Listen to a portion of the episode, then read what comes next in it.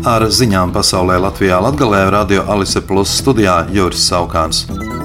Kamēr Latvijā šodien lielu satraukumu izraisīja karstuma vilnim sekojošā stiprā krusa, lietus un vēji, Krievijā Jakutijas reģiona 13 rajonos plosās 98 ugunsgrēki, un liesmas aptvērušas jau 125 tūkstošus hektāru.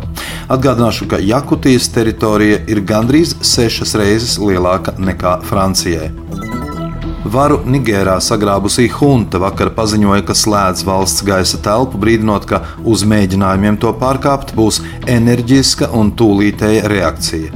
Atgādināšu, ka Rietumāfrikas valsts ekonomiskā kopiena jūlija beigās pieprasīja nodot varu atpakaļ demokrātiski ievēlētajam prezidentam Mohamedam Bazumam, un apvērsuma rīkotāji ar paziņojumu par gaisa telpas slēgšanu nākuši klajā, tuvojoties noteiktā termiņa beigām. Vācu raidsabiedrība Deutsche Welle ziņo, ka ietekmīgi Vācijas sociāldemokrātiskās partijas politiķi mudina valdību piegādāt Ukrainai modernās vācu zviedru pārnotās raķetes Taurus, tajā pašā laikā norādot, ka aizsardzības ministrs Boris Pistorius līdz šim bijis atturīgs šajā jautājumā. Ukrainas aizsardzības ministra vietniece Hanna Maļara paziņojusi, ka Krievijas karaspēks pagājušajā nedēļā pastiprinājis apšaudes Ukrainas austrumos, bet viskarstākā vieta joprojām ir Kupjanska, kur notiek mēģinājums atgūt zaudētās pozīcijas. Savukārt Ukrainas prezidenta biroja vadītājs Andrijs Jermaks paziņojis, ka vēl 22 Ukrainas karavīri esot atgriezušies no Krievijas gūsta, vecākajiem no karavīriem ir 54 gadi, jaunākajiem 23. Latvijā ministru prezidents Krišjānis Kariņš, kurš pārstāv jauno vienotību, lūdzis vidas aizsardzības un reģionālās attīstības un zemkopības ministrijām apkopot informāciju par vētras postījumiem un nepieciešamo valdības rīcību. Par to liecina premjera ieraksts sociālajos tīklos. Lielo vētras postījumu dēļ līdz nedēļas nogalē slēgts dabas parks Tervitē. Par laimi visi cilvēki, kur atradās parka teritorijā, ir veiksmīgi no tā izkļuvuši un cietušo nesot. Sinoptiķi prognozē, ka pirmdienas pēcpusdienā pēcpusdienā un vakarā lielākais postoša pērkona negaisa risks būs Latvijas centrālajā un austrumu daļā. Daudz vietā gaidāmas stipras lietus gāzes un spēcīgas vēja brāzmas, vietām postoša vētra, virpuļviesuļi un liela krusa. Iespējama zemāko vietu īslaicīga applūšana. Iedzīvotāji tiek aicināti nedoties ārā. Reizeknas domas opozīcijas deputāti Ināra Groce no Nacionālās apvienības pēc finanšu komitejas sēdes žurnālistiem paudusi, ka līdzekļu taupīšanas nolūkā no dažādām Reizeknas pašvaldības struktūrām plānots atlaist aptuveni 60 darbiniekus.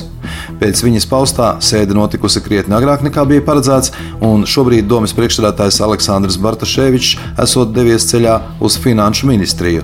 Iepriekš izskanējusī iecerē samazināt pakalpojumus šodien nemaz netika izskatīta, kaut gan Grots uzskata, ka tieši ar šo jautājumu diskusija būtu jāsāk.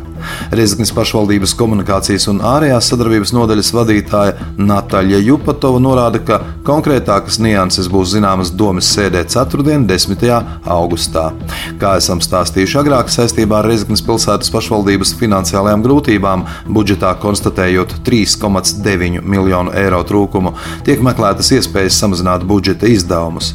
Šodien pēc tikšanās ar valsts prezidentu Edgars Rinkeviču, vides aizsardzības un reģionālās attīstības ministrs Māris Sprindžuks, kurš pārstāv apvienoto sarakstu, žurnālistiem norādīja, ka, ja revīzija konstatēs nelikumības vai nesaimniecisku rīcību, Reizeknes mēra krēsls var būt apdraudēts.